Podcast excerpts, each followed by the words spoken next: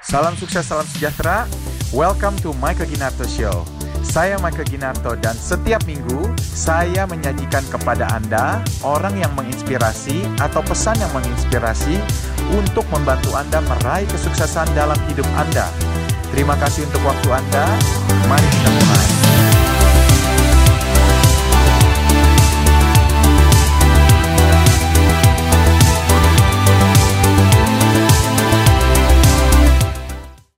Bagaimana saya kalau misalnya sampai tanda kutip dipenjarakan, ibu saya akan tahu apa? Ibu saya sama sekali nggak tahu apa-apa loh, Mike. Dan tiap malam itu saya dengan penuh kasih sayang doa mengusap kaki ibu saya. Apa yang akan terjadi dengan ibu saya? Kalau dia lihat saya di penjara, Mike.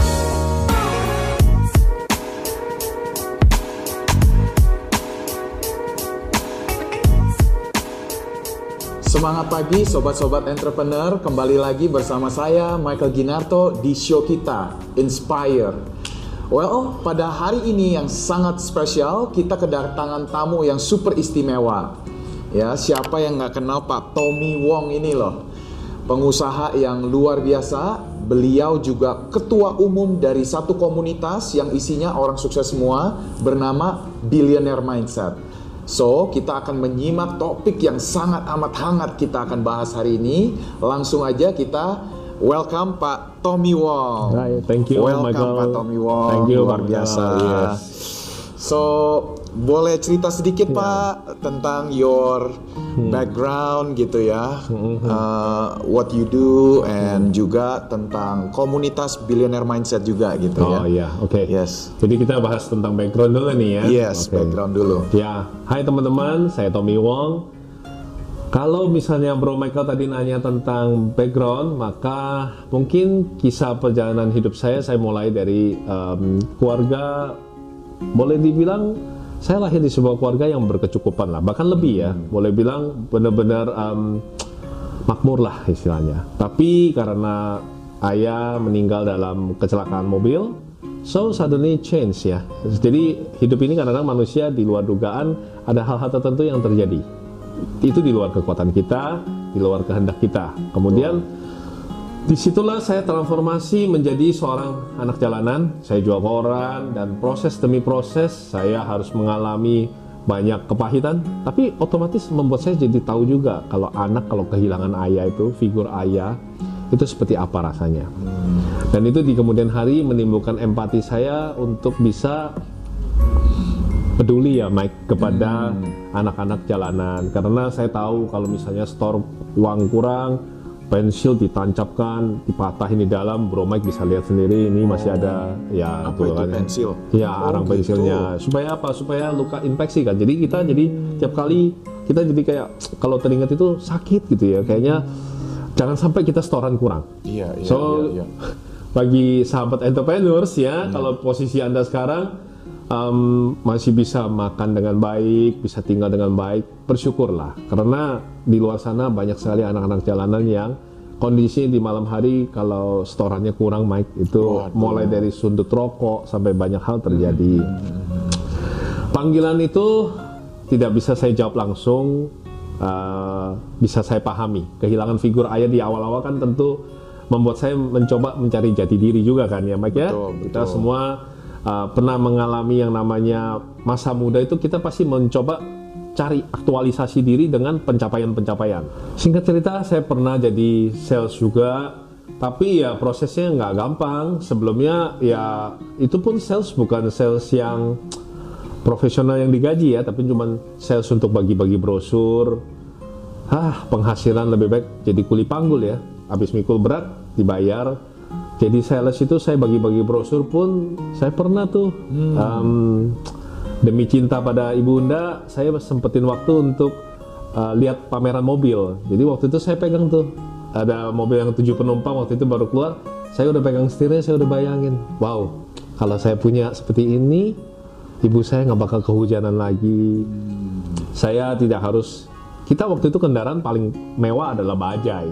Itu pun saya udah merasakan sensasi yang seneng banget kalau bisa Naik bersama bajai. ibunda saya. Waduh. lagi enak-enak gitu Mike. Kita nyetir gitu ya. Oh, udah bayangin nih wah asik mama saya nggak kehujanan. Saya jadi kuli panggulnya. Dia pun sebenarnya menyertai dia supaya uh, dia tidak meneteskan air mata sendiri. Seakan-akan kehilangan figur ayah ada yang menemani gitu ya. Tiba-tiba hesh gitu. Wah saya kaget dong. Iya. ternyata sales mobilnya yang sales mobil ini yang uh, menghardik saya gitu loh. Dia bilang apa kamu ini? Pegang-pegang bikin kotor aja. Wah Mike rasanya Iya. kita kalau masih muda kan Iya, rasa iya. sakit hati itu menghujam ya. Iya. terus ya mending kalau saya nggak kenal saya kan tahu sama sales gitu loh. Hmm. saya bilang loh kenapa? Apa saya nggak boleh? Gitu ya kan. Masa pegang aja di iya gitu. Bikin kotor aja loh. Lu tahu nggak orang kayak lo sampai kapan pun nggak bisa beli?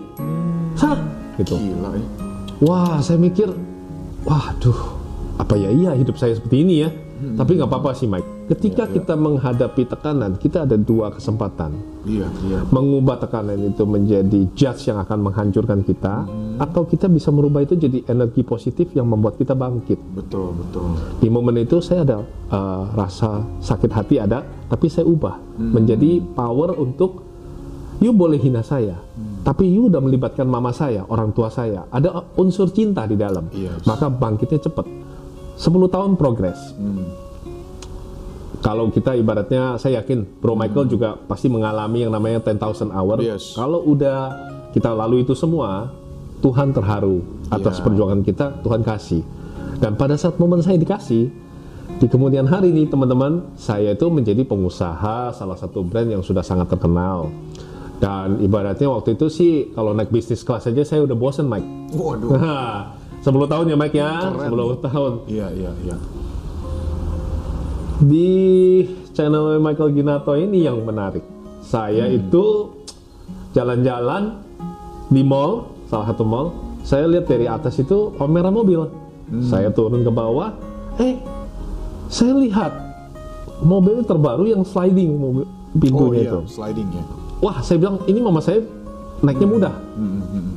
Namanya juga cinta mama kan. Saya berbakti sama orang tua. Saya mau belikan buat mama saya. Kondisi saat itu sih mau beli tunai juga gampang, Mike. Nggak ada masalah. Nih. Cuman Mike, di sini nih buat para uh, entrepreneurs maupun teman-teman, hidup kita itu jangan melabel orang lain, jangan menghina orang lain, apa pun kondisi mereka. Sales yang sama yang mengusir saya mendatangi saya. Lalu dia bilang, "Hai Pak, selamat siang. Gila. Em, ini mobil baru rencana mau launching. Bapak bersedia isi buku tamu? Karena kalau isi buku tamu, dia akan dapat kurang lebih insentif 200 ribu. Saya bilang, wah, saya sih nggak mau isi buku tamu. Saya maunya beli mobil ini. Wah, belum bisa pak. Kayak gitu. Bapak bantu saya deh. Saya udah lama jualan kayak gini nggak nggak bagus. Bapak isi buku tamu aja. Bantu saya deh pak. Bapak beli nggak beli nggak apa-apa. Saya bilang, saya isi buku tamu, tapi saya tetap mau beli. Bapak serius? Ini mo- mobil belum launching loh katanya gitu, belum tahu harganya. Saya bilang iya. Saya mau beli buat ibunda saya. Ini alamat saya, saya serius, saya kasih kamu semua. Mobilnya keluar, kamu kirim ke rumah saya. Sales yang sama. Keren. Dan benar tiba harinya dia antar. Dan ketika sudah diantar, saya kan kasih biasa dong, ada tips dong, Mike. Saya kasih tips, dia buka tipsnya dia kaget gitu loh.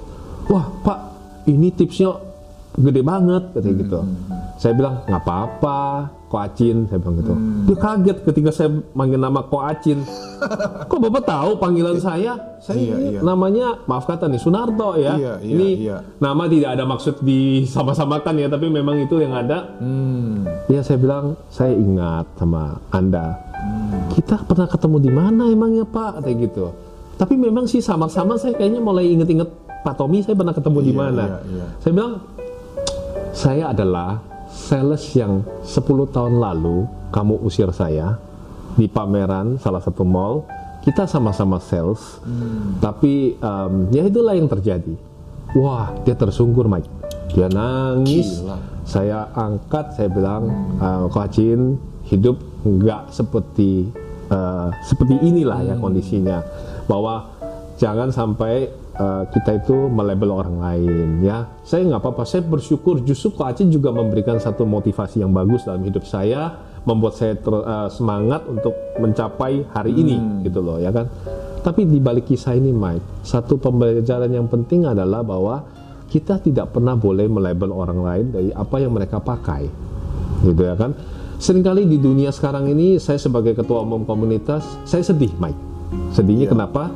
Kalau misalnya teman-teman ini para pengusaha yang datang ke acara itu kalau misalnya ada orang sales asuransi atau MLM itu biasanya mereka langsung dikucilkan. Saya sedih, Mike, prihatin gitu loh. Mental block langsung Iya, dihakimin kenapa ya. sih seperti itu terhadap orang lain? Bisa jadi kan 10 tahun kemudian atau 15 tahun kemudian dia menjadi malaikat tak bersayap yang Bisa membantu jadi. hidup kamu. Betul. Kenapa labeling orang tentang dunia asuransi, dunia MLM seakan-akan Hmm. seakan-akan kalau bisa di remove Difonis, nomor teleponnya, ya. blok. Padahal teman SD, Iya. teman SMP, begitu ditanya sekarang eh, kerjanya apa? Saya eh, MLM, uh langsung. Udah besoknya nggak mau, mau ngobrol lagi. ngobrol lagi. Tadinya udah enak-enak ngobrol, nggak mau. Terus saya mau nawarin asuransi, oh juga udah nggak mau dengerin. Padahal tidak seperti itu ya teman-teman. Bisa jadi di dunia jasa. Ini saya katakan ini sebagai dunia jasa ya, jasa yang memberikan solusi bagi kita semua.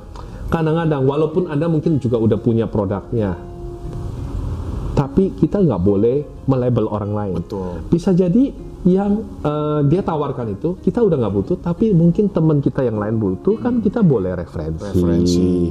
Dan kalau kamu terhadap dia seperti itu, sebenarnya itu juga menutup pintu rezeki buat kamu. Kenapa? Karena bisa jadi si sales daripada MLM maupun uh, asuransi ini, paman atau keluarganya adalah orang yang justru butuh jasa Anda. Misalnya you dokter, pamannya dia bisa jadi butuh loh, you punya jasa. Berarti you sudah membuat uh, you punya rezeki ter apa namanya terisolir. Karena apa? Ada Mindset sendiri. anugerahnya juga itu ya, Iya, kenalin betul. orang ya. Iya.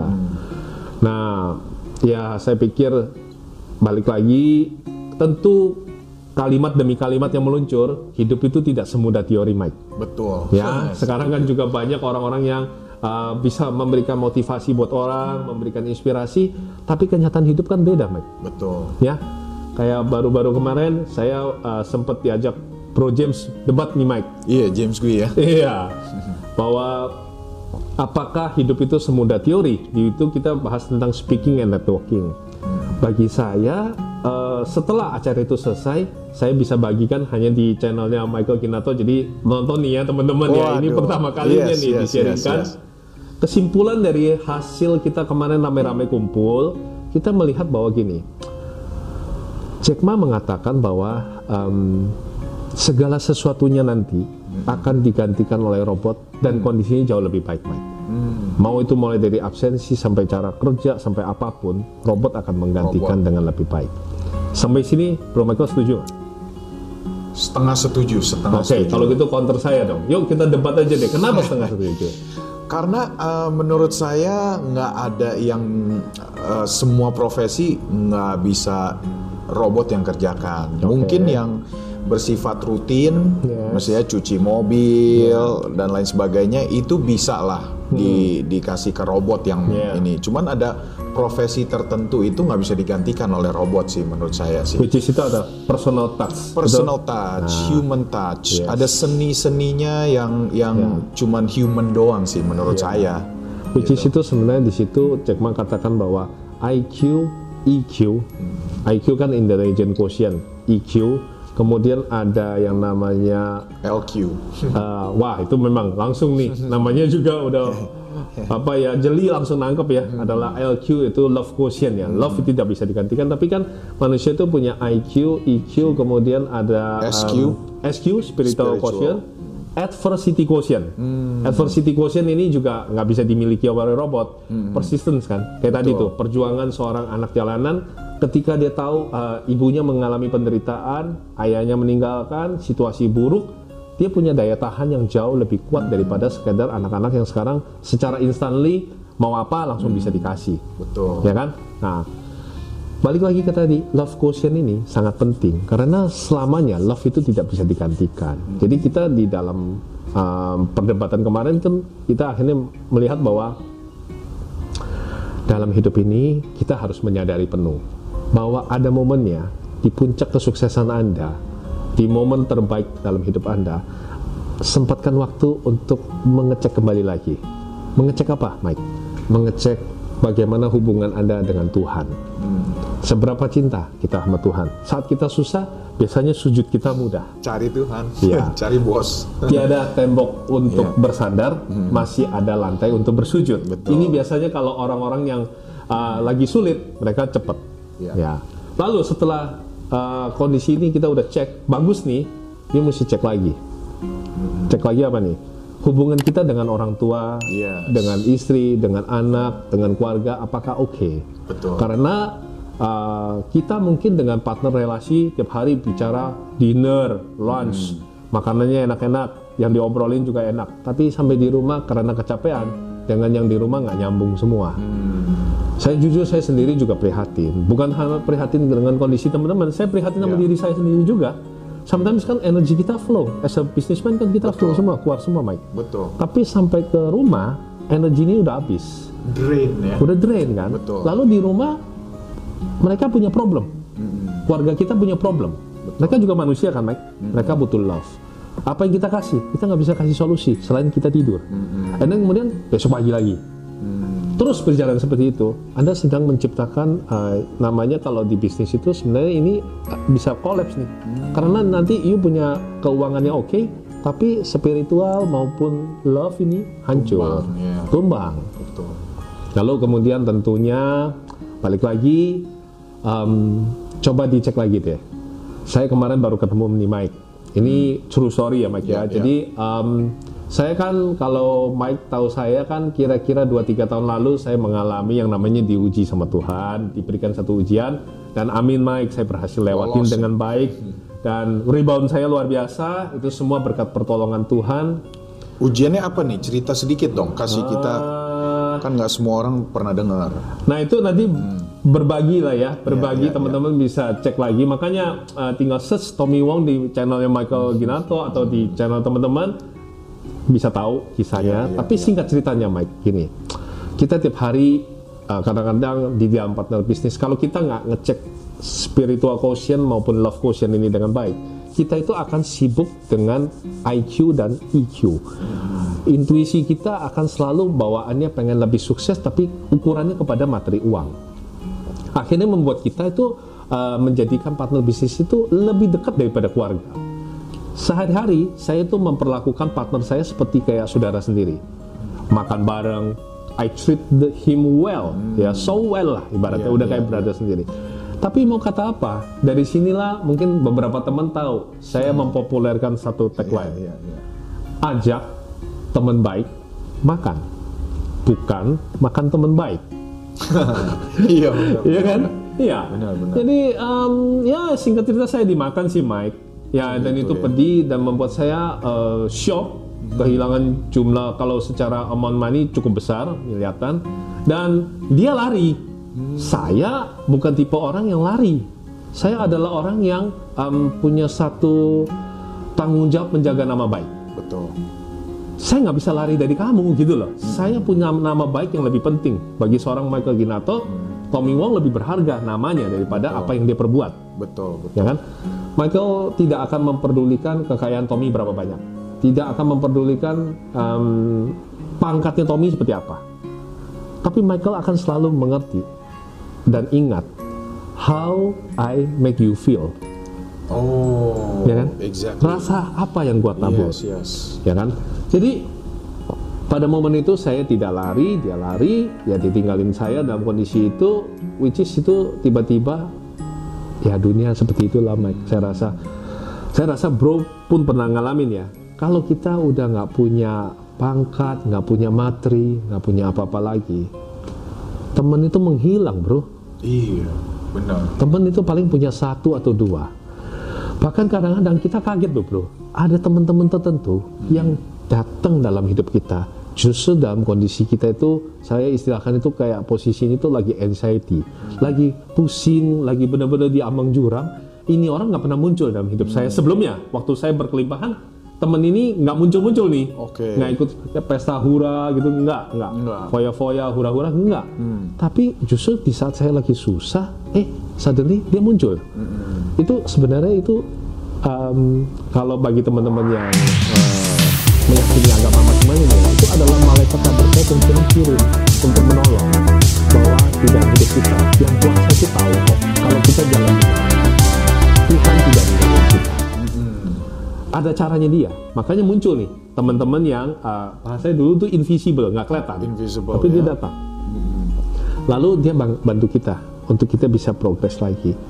All we have to do, yang perlu kita lakukan adalah kita jangan ngurung diri. Banyak sih teman-teman saya kemarin juga ada beberapa orang itu dia kurung diri, berakhir dengan ending bunuh diri dan sebagainya.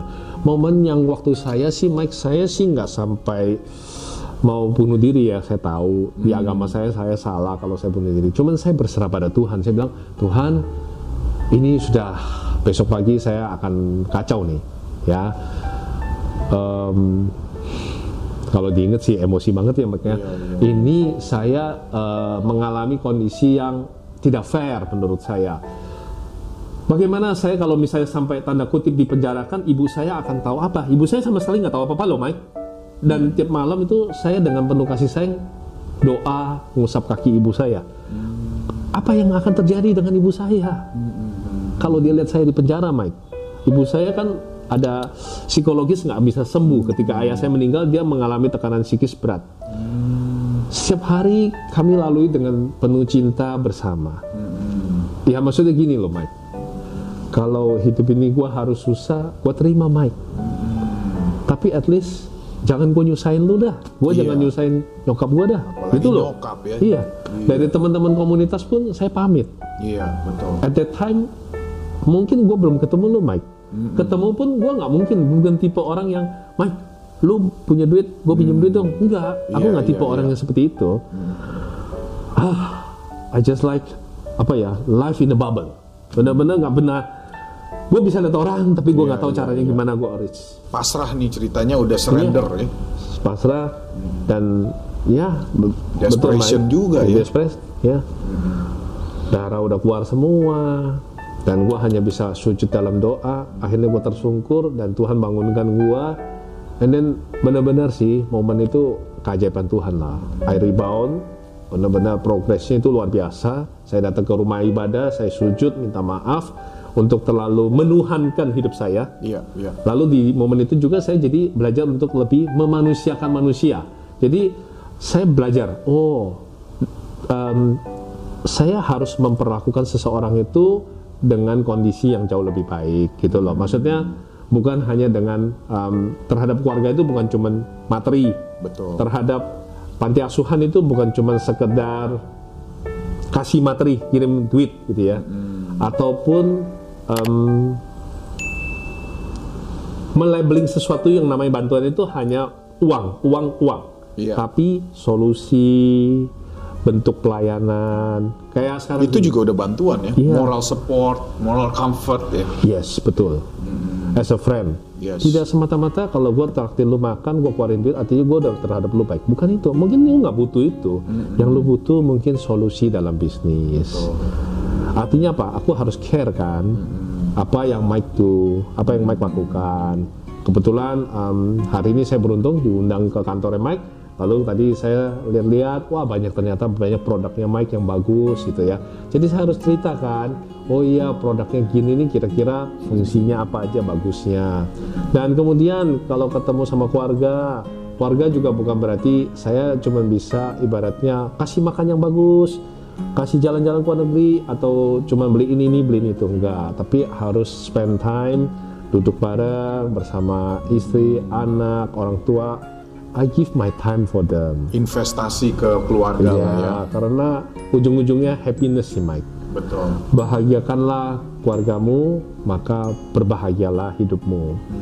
And then setelah itu semua dengan Tuhan, dengan keluarga, dengan teman, lalu tentunya kita juga harus dicas lagi kan. Betul. Kita sendiri kan juga udah udah drain dengan bisnis, udah, drain kerjaan, dengan ya. mental Saya drain nggak bilang keluarga itu drain lah, itu Betul, kewajiban ya. Kita harus ke mana sih gitu ya? Ya kita harus ke komunitas yang positif, Betul. ada komunitas Billionaire Mindset, ada AMA, ada macam-macam lah ya. Yes. Komunitas positif sekarang kan banyak. Sama satu lagi Mike, Apa tuh? simak nonton channel YouTube-nya Michael Ginarto karena di situ banyak sekali inspirasi positif yang bagus. positif. Iya, Yes. jadi walaupun misalnya wah sekarang kalau mau ke tempat acara-acara udah macet dan sebagainya ya anda tinggal buka YouTube aja kan Ketemu Tommy Wong lagi. ya ada biasa banyak ini. ada banyak mentor-mentor Iya. kehidupan Iya, iya. teman-teman yang tanda kutip saya bilang invisible itu jadi gini di momen itu kan you cuma punya teman virtual teman yang dia nah tapi cari yang baik Betul, jangan betul, virtualnya betul. yang uh, Ya nggak bener lah. Ya, cari yang positif. positif. Iya. dengerin kisah uh, mereka jangan cuma lihat uh, mobil apa yang mereka pakai atau apa. Bukan kita mau belajar dari kegagalan mereka. Betul. kesuksesan itu tidak mungkin orang share 100% ke you. Di share 100% pun you tidak bisa pernah bisa berhasil niru nggak mungkin.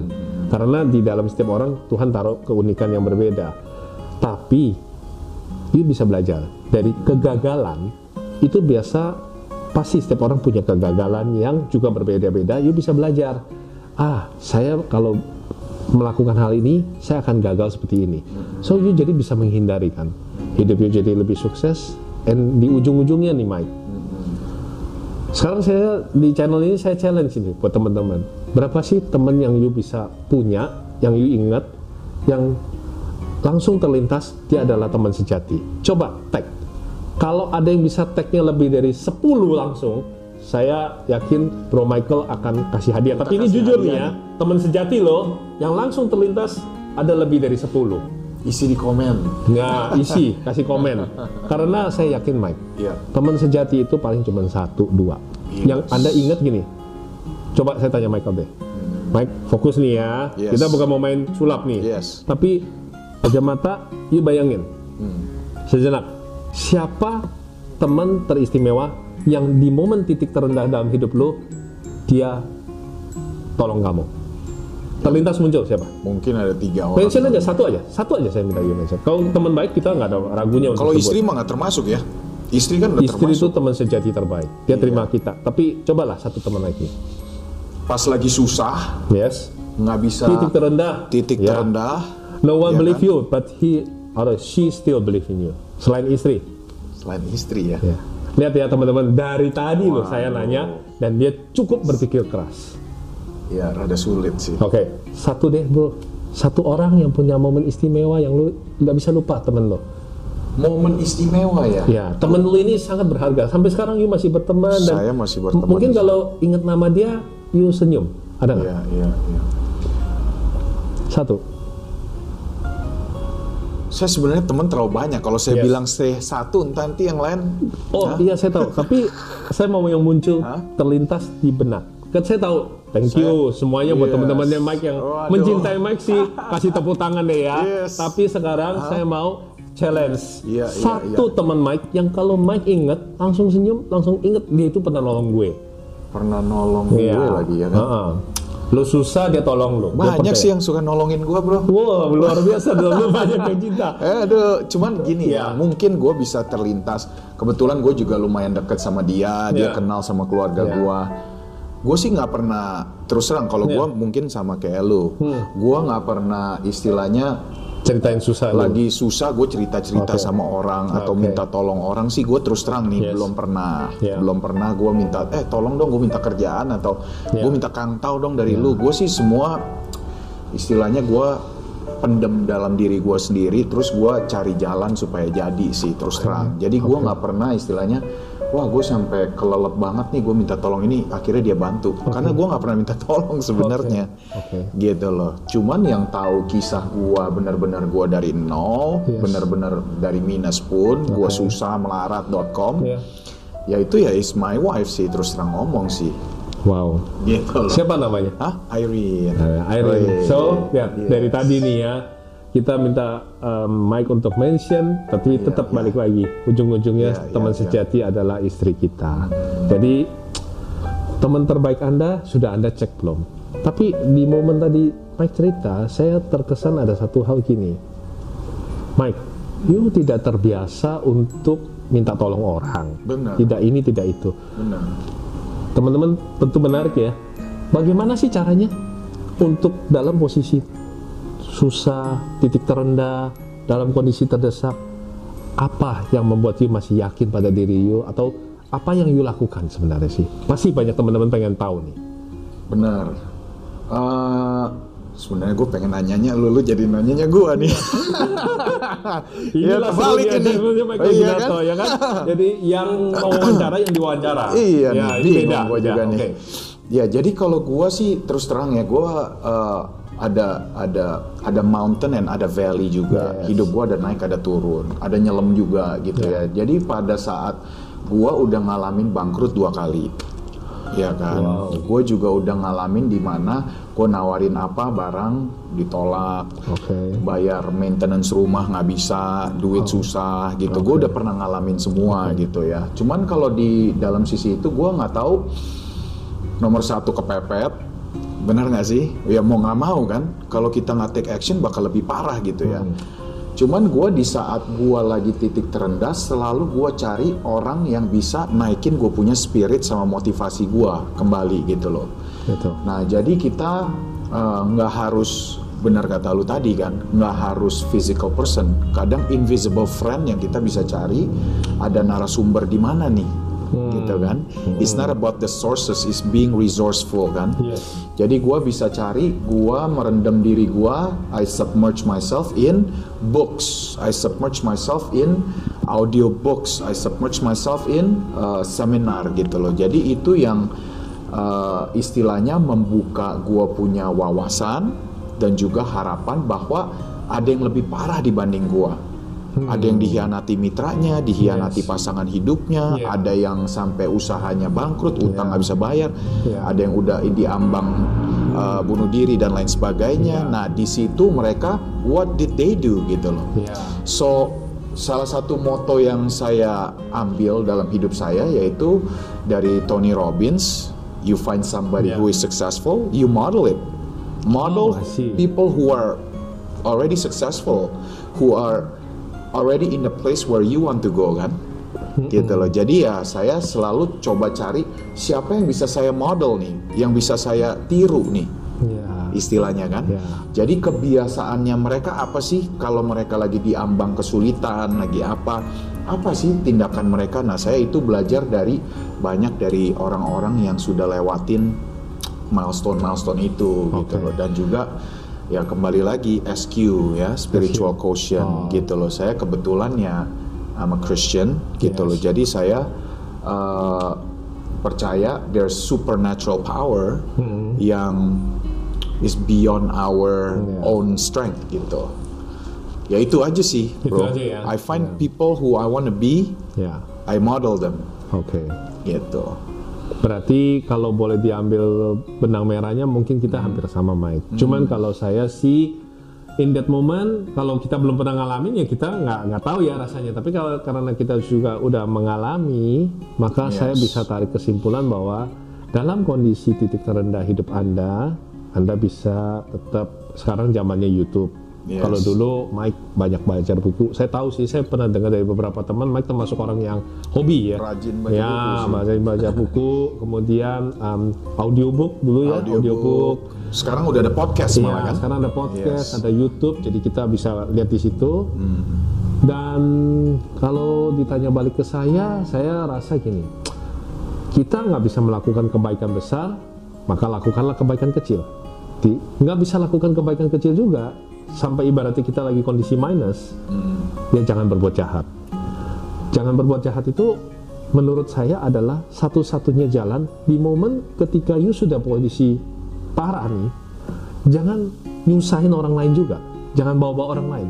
Saya seneng tuh dengan spiritnya Mike tuh. Iya. Kalau memang udah susah di lo, udah jangan uh, ikut-ikut ibaratnya Iya. kayak nggak terima semua orang mau dibawa susah. Iya, Datang ke Mike bawanya mau minjem duit, mentalnya pagi-pagi seakan-akan duit adalah solusi. Enggak. iya, iya. Di dunia ini ada Tuhan, ada spirit apa spiritual quotient kita harus dikuatin. That's right. Kalau you di titik terendah, itu artinya Tuhan minta kamu melihat ke atas, titik tertinggi Betul. ya kan? Kemudian dia akan proses kamu sedemikian kegagalan besar itu sebenarnya bukan gagal, tapi proses pembelajaran yang lebih besar. Karena apa? Tuhan mau kapasitas kamu lebih besar. Dia yakin bahwa kamu tuh bisa nangani lebih besar lagi, Betul. ya kan? Cuman kamu itu ibaratnya kayak di stretch, ditarik dulu, supaya kamu itu uh, mau lihat. Kalau memang nggak kuat mah putus dong. Putus. Nah, kalau putus artinya gini, kamu nggak usah repot-repot bunuh diri. Tuhan juga udah ambil nyawa kamu, udah langsung kamu ketemu, urusan kamu selesai. Ketemu saya langsung sekarang gitu ya. Iya ya kan? Tapi di set supaya Iya, kamu iya, bisa iya, kapasitas lebih besar, bisa lebih banyak menginspirasi. That's right. Dan mungkin yang finally gitu, kita sama-sama setuju bahwa kalau um, hidup ini, kalau misalnya kita itu berbahagia itu sebenarnya gini loh, jangan merugikan orang lain.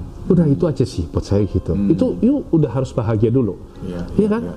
Perkara memang wah masalah bertubi-tubi. Eh, saya dikejar utang, di, didatengin debt collector dan apa-apa. Ya saya balik lagi ke teman-teman saya tanya, kan dulu you yang susahin dia dulu. That's right. Ya kan, you yang ambil sesuatu keuntungan tapi you tidak jaga dengan baik, Betul. maka terjadi kan. Tapi kalau memang ada itikat baik, mau selesaikan, cari solusi, belajar dari mentor-mentor, lalu kumpul di tempat yang positif, networkingnya diperkuat, dan dengan mindset yang bukan eh, itu ibaratnya tarik sana tarik sini untuk Iya. bikin susah orang lain. Iya. You kasih, you punya kapasitas bisa help orang secara tulus. Maksudnya gini, tidak semua pertolongan itu harus berupa uang ya. Bisa kasih orang solusi. Bantu satu nenek jalan aja nyebrang juga udah solusi Betul. ya kan? Dan percaya, yang di atas selalu melihat apa yang kita buat. Tentunya kalau udah tiba waktunya nih, seberapa jauh Anda fall forward, jatuh ke depan, pada akhirnya kan ada titik finish di mana di sini Tuhan udah tungguin kita dengan gerbang kemenangan nih. Kalau udah tiba sampai di situ, Tuhan angkat, you pasti menang kembali. Betul. Itu aja sih Mike ya, bener-bener ya. Saya rasa saya sama Mike udah kita lalui lah gitu. Betul, betul. So makanya hari ini di channel ini kita berbagi. Semoga ini menjadi inspirasi buat teman-teman juga. Saya ada pertanyaan nih, Yes. Bro Tommy nih. Ya. Jadi uh, kalau saya dengerin your story kan, uh, kayaknya dari tukang koran, Yes. Kuli bangunan, Hmm. sales juga dihina lagi sama si Koacin benar-benar tuh si Sunarto itu. Kulinya kuli panggul sih kan? sebenarnya kuli eh, kuli panggul, kuli panggul, Kuli panggul itu bangunan. apa Jadi eh, kuli panggul itu gini, mama saya waktu itu jualan pakaian baby. Iya, iya. Jualnya iya. ke Roximas, ke Mangga Dua. Waktu itu kan belum banyak toko handphone. Tapi nggak apa-apa itu cikal bakal sukses saya. Iya, iya. Saya panggul supaya mama saya nggak bayar kuli gitu Oh, loh. panggul itu maksudnya di di bopong di panggul belakang iya. gitu. ha-ha, Oke, gitu. oke. Waduh. Lalu itu- ketika saya udah taruh kan mama saya kan biasa udah nganter barang kan nanti nagih dong. Iya, gitu. betul. Nah mama saya disetrap. kenapa telat atau mana? Eh, bukan, mama saya kan mau nagih, tapi kan yang namanya orang ditagih pasti nggak senang. oh iya. Kalau kita yang dibentak Mike, kita terima Mike. Iya. Saya udah biasa di jalanan. Tapi kalau lihat ibu kita dibentak, itu rasanya gimana? Betul. Jadi mama saya dibentak, disetrap, membuat saya sedih kan. Nah, saya seperti biasa, saya tidak melihat fokus pada kesedihan itu, tapi saya lihat ke sisi lain. Nah, momen sisi lain itu saya lihat ke arah lain, ada toko handphone. Zaman dulu kan kalau orang kaya tuh kalau pakai handphone kan ditarik antenanya, Iya, iya, iya. klak ini, wah. Wah itu menjadi inspirasi buat saya kan. Wow orang kaya tuh kayak gitu tuh, enak banget ya hidupnya ya. Gua mau lah kayak gitu. Makanya saya datang ke toko itu. Saya bilang kok mau nggak kalau saya kerja di sini? Dia bilang apaan? Lo mau nyuri di sini? Mau nyuri di sini? Gila eh. Ya karena casing gue buruk, Mike. Iya, ya iya, makanya iya. performance Packagingnya penting kan, packaging nggak meyakinkan. Iya, iya, iya. Saya bilang bukan, tapi kita punya story kan. Kita Betul. kita selalu punya satu story keunikan di dalam diri kita masing-masing yang kita bisa ceritakan dengan jujur kepada Betul, orang lain. betul. Saya bilang kok coba dilihat itu mama saya lagi di setrap. Saya bersedia kerja di sini. Gaji cuman setengah daripada you punya pegawai. Gaji saya setengah, Hmm. tapi saya kerjanya dua kali lipat. Kalau itu saya tanyakan kepada um, bos Michael Ginato, Hmm. saya rasa semua bos di dunia ini jawabannya apa? Terima nggak? Setengahnya half Bayangin. price gitu ya. Tapi inilah teman-teman, kita kasih nilai lebih buat orang lain. Iya, nilainya di situ. Nilainya lebih kan. Jadi jangan pagi-pagi kalau datang ke sekarang misalnya jadi profesional atau jadi um, misalnya kita mau jual barang, pagi-pagi itu kita ributin tentang keunggulan kita. Saya ini tamatan UI, saya ini tamatan ini, tamatan itu. Itu bagus, UI itu bagus Betul, gitu loh. betul. Tapi kamunya mental mindsetnya bagus nggak? Mm-mm. Orang kan hanya mau tahu, they just want to know how you make them feel. Betul. Ya kan? Nah kalau pagi-pagi dia bisa menjanjikan hal ini, dia kan mau coba. Tapi kalau pagi-pagi misalnya belum apa-apa, kamu berani gaji saya berapa? Hmm. Nah pasti dia akan nanya balik kan, siapa lu? Exactly, iya benar. Ya kan, Benar. produk saya ini bagus, bisa bikin kamu sehat. Loh, pembuktiannya apa? Iya. Dasarnya apa? Kecap ini nomor satu ya. Iya, kamu nggak pernah nolong orang. Tapi kalau misalnya kita memang terbukti, kita itu uh, punya willingness, mau helping people, Tulus, ya. ya. Lalu kemudian orang itu terbantukan dan dia cerita, it's more lebih apa ya, lebih atraktif daripada you yang capek sendiri kan. Nah, ya itulah momen itu Mike yang membuat saya Oke, saya kasih penawaran seperti itu dan amin sih Mike dari situ dari pegawai jadi uh, manajer jadi GM akhirnya. Tapi ya kerusuhan membuat saya Luar kembali ke biasa. titik nol. Titik yang nol lagi. yang saya yang saya pelajari nih so far ya Hmm. from from your life life journey ya for you semua kejadian baik atau buruk you selalu lihat itu menjadi berkat buat you benar nggak sih semua kejadian itu you pakai sebagai you have a positive filter nih istilahnya in your brain gitu ya kan semua kejadian bisa you puter balikin jadi to your benefit kalau jadi dikecengin orang oh ya udah itu fuel for me more motivation for me to do well I'll prove it to you Yeah. maybe not now 10 years time ya Yeah. kan Yeah. itu yang pertama yang kedua what I learned from you selalu dalam kisah your kisah hidup kan kita selalu ada our own battles kan Iya. kalau udah battle ini kelar pasti ada battle berikutnya Iya. pasti ada battle berikutnya you saya pelajarin benar apa enggak ya Hmm. You selalu have someone that you are fighting for other than yourself Iya. in this case is your mother Yes. Ya, bener Iya, nggak sih? iya. Kayak kayaknya di hidupnya Bro Tommy ini selalu is your mother. Wah, lu hina gua is okay. You you you hina my mom. Waduh, It's- ya it's- kan? it's Ini different. urusan beda lagi Iya, nih. iya. Istilahnya because you love your your your your mom so much, you will fight for her and do Yes. whatever it takes ya. Iya. Obral gaji setengah pun you kerjain gitu ya. Iya. Termasuk saya datang ke undangannya Bro Michael juga bukan iya, karena iya, um, iya. sekedar misalnya mau ambil advantage Yes. dari Bro Michael enggak. Saya udah pikirin apa ya yang What saya bisa iya bisa berikan give, ya? dalam bisnisnya Bro Mike. Tentu Betul, tadi ya betul. kita sebelum acara kita udah Yes, ngobrol ya bahwa biasa. produknya Bro Michael itu luar biasa bagus. Seperti apa teman-teman betul harus ya. search ya kan. Cuman saya uh, ceritakan ke Mike Iya, iya, bagaimana cara dia bisa kita itu bisa translate Deliver the deliver message. the message gitu loh. Deliver the kindness for you. Benar, benar. Itu. benar. Wah dahsyat loh. So add value, Yeah. find what you're fighting for, who, Yes. not Yeah. not what ya, who, Who. you're fighting for Yeah. kan. And apa tadi positive Ya, mindset selalu, iya, ya. positive mindset selalu kasih uh, doing something lah karena kita Iya. hidup ini kita itu hanya bisa ibaratnya bahkan kita nggak bisa mengukur 24 jam ke depan itu kita nggak bisa ukur Kita nggak yang tahu what's Iya. gonna happen next year, next dan month. kalau misalnya bilang ini ini ini belajar dari satu teman saya Mike ya. Iya. Kalau misalnya dulu dia sekolah, waktu itu kan saya nggak begitu bisa, saya cuma pencuci piring di kantin ya. Dia bilang kalau misalnya dia tamat sekolah dia akan happy gitu ya kan. Nilai bagus dia happy, tapi ternyata udah tamat sekolah dan ya, nilainya bagus itu dia nggak happy juga, ya kan.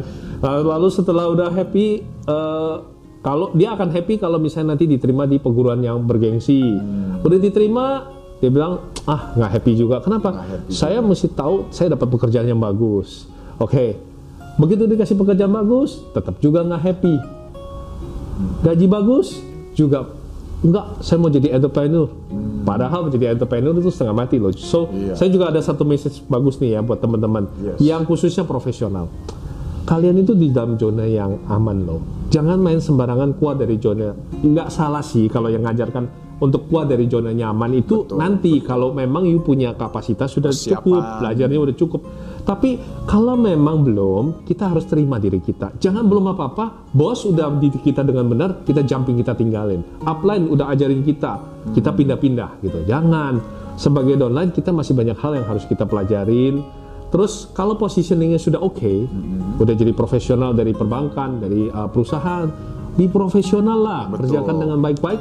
Kalau memang ada setelah waktu, you bisa become entrepreneur, bisa digital kan sekarang. Yes. Tapi tidak harus benar-benar suddenly tinggalin semua demi ambisi untuk buka Betul, um, betul. menjadi seorang entrepreneur. Itu menurut saya menuju jurang kematian sih. Karena entrepreneur seperti kita, you bisa lihat deh di hidupnya Mike deh, Iya, bangkrut dua kali loh, bayangin Yes. teman-teman coba. Naik turun, naik turun Iya. lah. Semua bisnis Ya kan nggak? belum tentu siap orang, belum Iya. tentu, belum bisa bisa terima ya. Iya. Benar-benar. Wah dahsyat. Jadi siapa sih sekarang your role model? Do you have a mentor or role model that yang ngisi? Kita kan semua orang harus diisi ya. Especially bangun tidur kita harus diisi. Dalam pekerjaan kita harus diisi. Ada nggak sih? Ada apakah ada bisa kasih tips buat sobat-sobat entrepreneur lainnya gitu. Apa sih? Ada buku yang you baca, seminar you go to atau ada orang-orang yang secara strategically Bro Tommy itu memposisikan diri di antara mereka supaya mereka bisa ngecas you nih istilahnya nih, energinya nih. Is there somebody or who nih gitu kalau ada? Wah, ini pertanyaan yang nggak pernah ditanyakan dan ini jawabannya nggak mudah. Tapi dengan ujian yang Tuhan kasih dalam hidup saya, dulu sih saya banyak Mike. Saya banyak benar seperti Mike bilang. Saya banyak belajar. Malam hari pun saya habisin waktu malam-malam di mana saya mengalami yang namanya kegelisahan ya. Saya selalu kan namanya pengusaha itu kita harus pikir one step ahead gitu ya kan. Saya belajar banyak dari teman-teman positif iya, tapi menurut saya tetap nggak cukup Mike. Pada akhirnya saya ketemu sih satu mentor sejati. Selain tentunya semua itu Tuhan ya yang membuat ya kan, Eh, rancangannya dia yang tentukan, tetapi master plan by dia, tapi saya kan yang menjalani. So benar kata Mike, siapa sih mentor kita gitu kan untuk memandu kita dengan lebih baik lagi? Saya biasakan sekarang setiap pagi kadang-kadang saya sempatkan waktu untuk lihat cermin. Hah? Ya, saya lihat cermin. Saya tatap baik-baik. Suddenly kadang-kadang saya juga tears, air mata keluar. Saya lihat diri saya, saya baik-baik bicara sama Tommy Wong. Dia itu mentor saya. Saya bilang sama dia, saya jujur. Saya kalau salah saya jujur. Saya open semua hal. Kemudian saya tatap dia dengan baik. Saya bilang, saya tidak mau membohongi diri sendiri. Saya akan lakukan yang terbaik. Hari ini, misalnya contoh kayak tadi pagi, saya bilang, saya akan ketemu dengan Bro Michael. Apa yang akan saya lakukan buat dia? Apa yang terbaik yang saya bisa berikan? I go all out. Saya akan lakukan dengan sepenuh hati. Dan em, saya akan berusaha bantu orang-orang yang saya temui. Tapi tentunya em, saya tentu harus senantiasa mawas diri dan juga ya itu tadi belajar hati-hati bahwa ajak teman baik makan, jangan makan teman baik. Iya betul betul. ya kan? Jadi mentor kehidupan kita menurut saya sih keputusannya kita mau jalan apa enggak. Balik lagi kita boleh belajar dari banyak, tapi bukan berarti kita ngikut tanpa ada kejelasan. Betul. Tanya pada diri sendiri, apa yang you lakukan itu sudah jujur belum sama hati nurani, sudah benar belum? Lalu lakukanlah yang terbaik. Bagian kamu, selebihnya serahkan rancangan Tuhan. Kalau you lakukan dengan baik, tidak merugikan orang lain, bahagiain keluarga, maka dijamin berbahagialah hidupmu. Luar biasa. Wah, ini deserve tepuk tangan nih. Nanti ada efeknya tepuk tangan ini pasti ini luar biasa nih. Well, kayaknya wah saya udah dapat hikmat nih. Ini udah kayak habis ke rumah ibadah juga nih, ya kan? ini udah dapat hikmat ya. Ya. Yang saya pelajarin ini pola pikir kita, sikap hati kita, sama tindakan kita itu harus kongruen ya. Ya. Jadi you juga ini kan sebagai istilahnya moral kompasnya Yes. uh, Bro Tommy ini itu di atas knowledge sebenarnya, Iya. di atas pengalaman dan di atas uh, dari you punya uh, tantangan hidup sebenarnya. Iya, Ini moral kompas ini sebuah mindset di mana uh, bisa kita ini bisa seperti air juga kan. Iya. Kita beradaptasi karena kita di dunia bisnis kan nggak ada yang bisa nebak. Iya. Besok stok naik apa turun, dolar berapa kita nggak ada yang bisa nebak. Iya.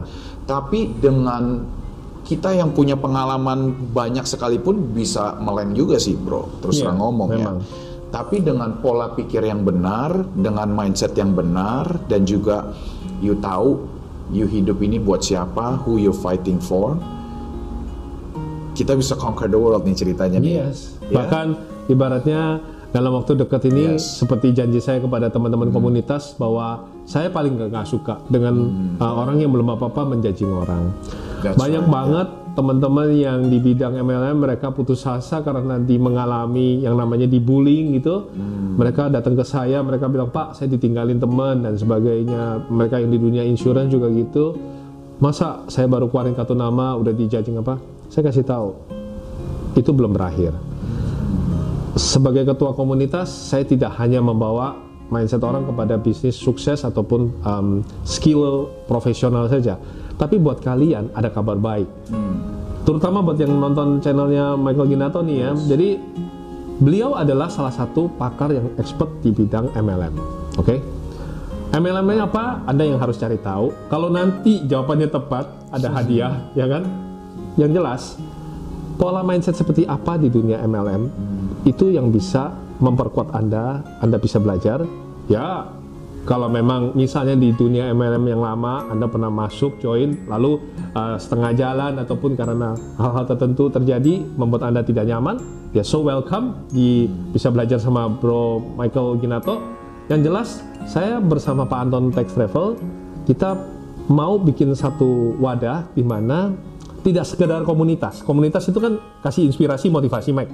Tapi kita juga mau teman-teman yang khususnya di seluruh Indonesia, bahkan di luar negeri, itu kan juga ada TKW yang sudah harus pulang Mike Oh, gitu loh yes, ya. benar. Terus mereka bingung mau kerja apa gitu. Betul. Sebenarnya asuransi dan MLM itu merupakan um, produk yang paling bagus untuk kita melatih mindset dan juga pola pikir.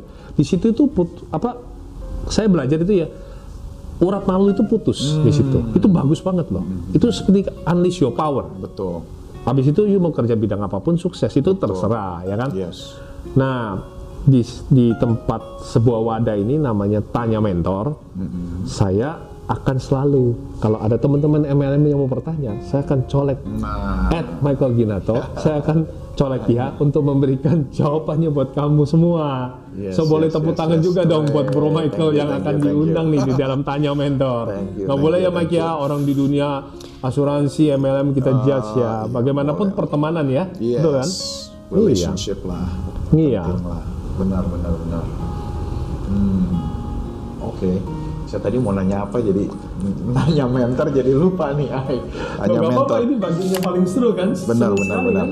benar benar jadi ya kalau kalau kalau di dunia bisnis memang uh, perlu seorang upline Ya. dan perlu seorang downline juga ya Untuk menggait. gitu loh guide kita gitu loh nah kita sediakan komunitasnya sediakan toolsnya Iya. sediakan platformnya yang paling penting di mana mau nggak mau untuk sukses you harus positif mau nggak mau Yes. gitu loh. Nah makanya ya penting sekali sih.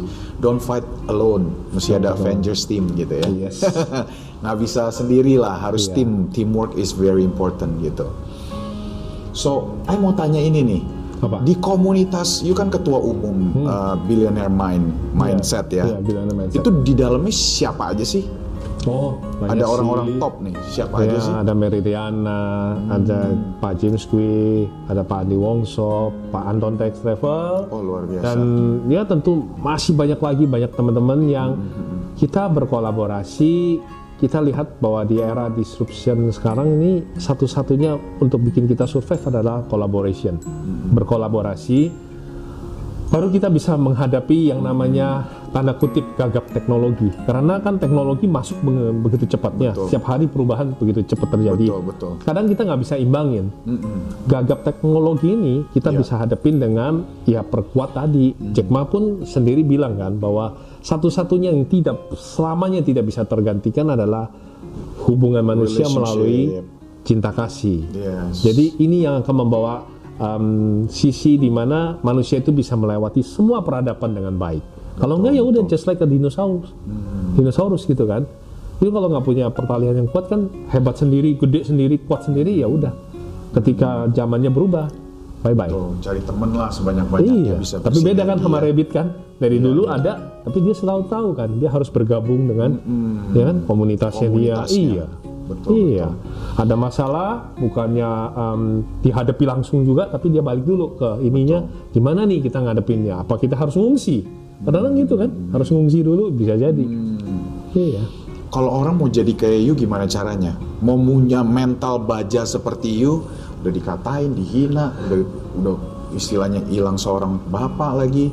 Figur ayah gitu Iya, ya, figur ayah. Maksudnya saya, Hah. gimana sih caranya supaya punya mental baja seperti you? You rekomendasinya apa nih buat sobat-sobat entrepreneur? Because we need it. Everybody needs it, gitu loh. How to become like you? Apa have to be born? Apa did you learn it? You pelajarin? Apa you dilahirkan udah punya mental baja nih? Bagi yang pengen punya become like you gitu mentalnya. Betapa ke gunung? Puasa tujuh hari tujuh malam atau I think begini. Salah satu jalannya adalah ya memang itu dari sisi teman-teman mungkin itu bagus. Tapi janganlah menjalani kehidupan saya karena kapasitas orang-orang apa setiap orang beda. Iya. Dan you nggak mungkin mau merasakan kepedihan apa yang pernah Iyalah. saya lalui. Cuman Tuhan proses saya sehingga saya bisa terbentuk seperti ini. Bagus banget pertanyaan Mike. Jawabannya adalah ya nonton channelnya Michael Ginarto ini karena sudah terpapar dengan jelas. You nggak usah capek-capek untuk Yes. melalui yang namanya colokan Yes. pensil dipatahin di dalam. Betul. Painnya you udah bisa lewati kan. You Betul. sudah tahu di luar sana seperti itu. All you have to do is empati kepada anak-anak di panti asuhan, take action. Kalau hari ini udah tahu kayak gitu, ambil mindset bagusnya adalah bahwa di luar sana banyak yang lebih kurang dari you. Tolong mereka. betul. Lalu setelah batin udah mulai tercerahkan, perkuat spiritual, dekat sama Tuhan, sayangi keluargamu, sayangi istri dan anak-anak, kemudian juga sayang pacar ya, kalau yang masih jomblo, belajarlah jomblo, menyayangi pacar ya. gitu kan. Semua orang juga butuh pasangan. Tadi Bro Michael bilang sampai dia berusaha cari tag nama pun masih nggak ketemu, ujung-ujung istri dia. So berbahagialah istrimu. And then kemudian dalam perjalanan ketemu teman, memang sih ada teman yang pahit memberikan kita em, kepahitan. Kita ajak dia makan, tapi dia malah berbalik makan, Makan kita. kita. Ya, Aduh, ajak teman baik biasa. makan, bukan makan teman baik. Tapi itu bisa dijadikan Hmm. dijadikan sebagai pil. Kayak ibaratnya kalau kita sakit itu kita minum pil yang pahit untuk menyembuhkan kita. pahit. Iya. Tentunya setelah semua sudah kamu lalui, kamu punya kondisi baik, juga jangan uh, jumawa. Artinya merasa bahwa hebat sendiri, Ya. diam sendiri, nggak mau berbagi. Toh, you nggak tahu kan esok hari. Betul. Hari ini bisa melakukan kebaikan apa? Lakukan setulus hati, bantu orang lain. Kotomi, saya kesel loh. Ini beberapa teman sering kali ngomong, saya udah tulus bantu dia, tapi dia nggak tahu budi. Saya udah bantuin dia, eh dia ambil kebaikan, take advantage, tapi dia eh, tidak berbalik bantu saya. Itu karena you punya ekspektasi salah. You berekspektasi pada manusia. Ekspektasi kita hanya pada Tuhan. Kalau ekspektasi pada Tuhan, you pasti tidak pernah kecewa. Ekspektasi pada manusia, Pasti kecewa. ya kan? bisa, Bisa bisa, kecewa, sih, bisa bagus, bisa setengah, bisa seperempat, karena itu manusia. Betul. Mereka nggak merasa bahwa produk you uh, bagus buat dia, ya kan? Makanya kita harus datang ke komunitas yang positif. Di situ kan otomatis filternya sudah semakin jelas. Betul. Lalu perkuat hubungan, bangun channeling yang baik, uh, tali silaturahminya dibagusin, dan tentunya ya kembangin diri terus setiap hari, nonton channel yang positif, Betul. channelnya Isi Michael Ginato. pikiran yang positif. ya betul betul luar biasa nih. Thank you, thank you, thank you. Thank you, thank you. Saya rasa uh, Ya. cukup banget ya ini hikmatnya masih dicerna ini, Iya. ya luar biasa. Saya yakin nih teman-teman entrepreneur semua udah belajar banyak ini. Kita udah jalan berapa lama ya? Saya yakin sobat-sobat entrepreneur semua sudah belajar hikmat, kiat-kiat sukses. Bro Tommy yang sangat luar biasa ini punya hati seorang malaikat tak bersayap ini luar biasa dan saya sendiri belajar banyak. Ini nggak bukan bukannya cuman mau uh, endorse you ya, but what I learned today is not like what I learned from other people. Banyak kan orang kan, oh do this, do this, do that, do that, do that-nya tuh yang lebih kayak uh, boleh dibilang kayak skill. Kalau you lebih ke mindset yang dan hikmat sih. Kata tepatnya sih hikmat sih. Wisdom reality, Mike. wisdom you tuh levelnya udah ya kan wisdom orang teach people skills you teach people lebih ke hikmatnya sih is what I learned saya yakin itu yang you juga dapat juga sih dan saya mengucapkan terima kasih nih atas Sama-sama, waktunya dan juga punya hati yang uh, mau berbagi supaya orang lain juga makin diberkati ya. Benar kata you bukan cuma dari uang saja kan kita bisa Iya, bantu orang. iya. Kita bantu orang bisa kasih pengalaman, berbagi hikmat dan Iya. saya harap you take action dan jangan lupa klik subscribe and klik loncengnya ya supaya never miss Kasih komen. The Tadi kan next, ada tuh. yes. Kasih Iya. komennya ya. Iya. Bro Tommy sudah minta, ayo komen. Iya. So pasti saya kasih ada price-nya. Yang tunggu saja tanggal mainnya saya akan announce price-nya apa. Oke. Sampai di sini uh, perbincangan saya dengan uh, Bro Tommy Wong. Salam sukses, salam sejahtera.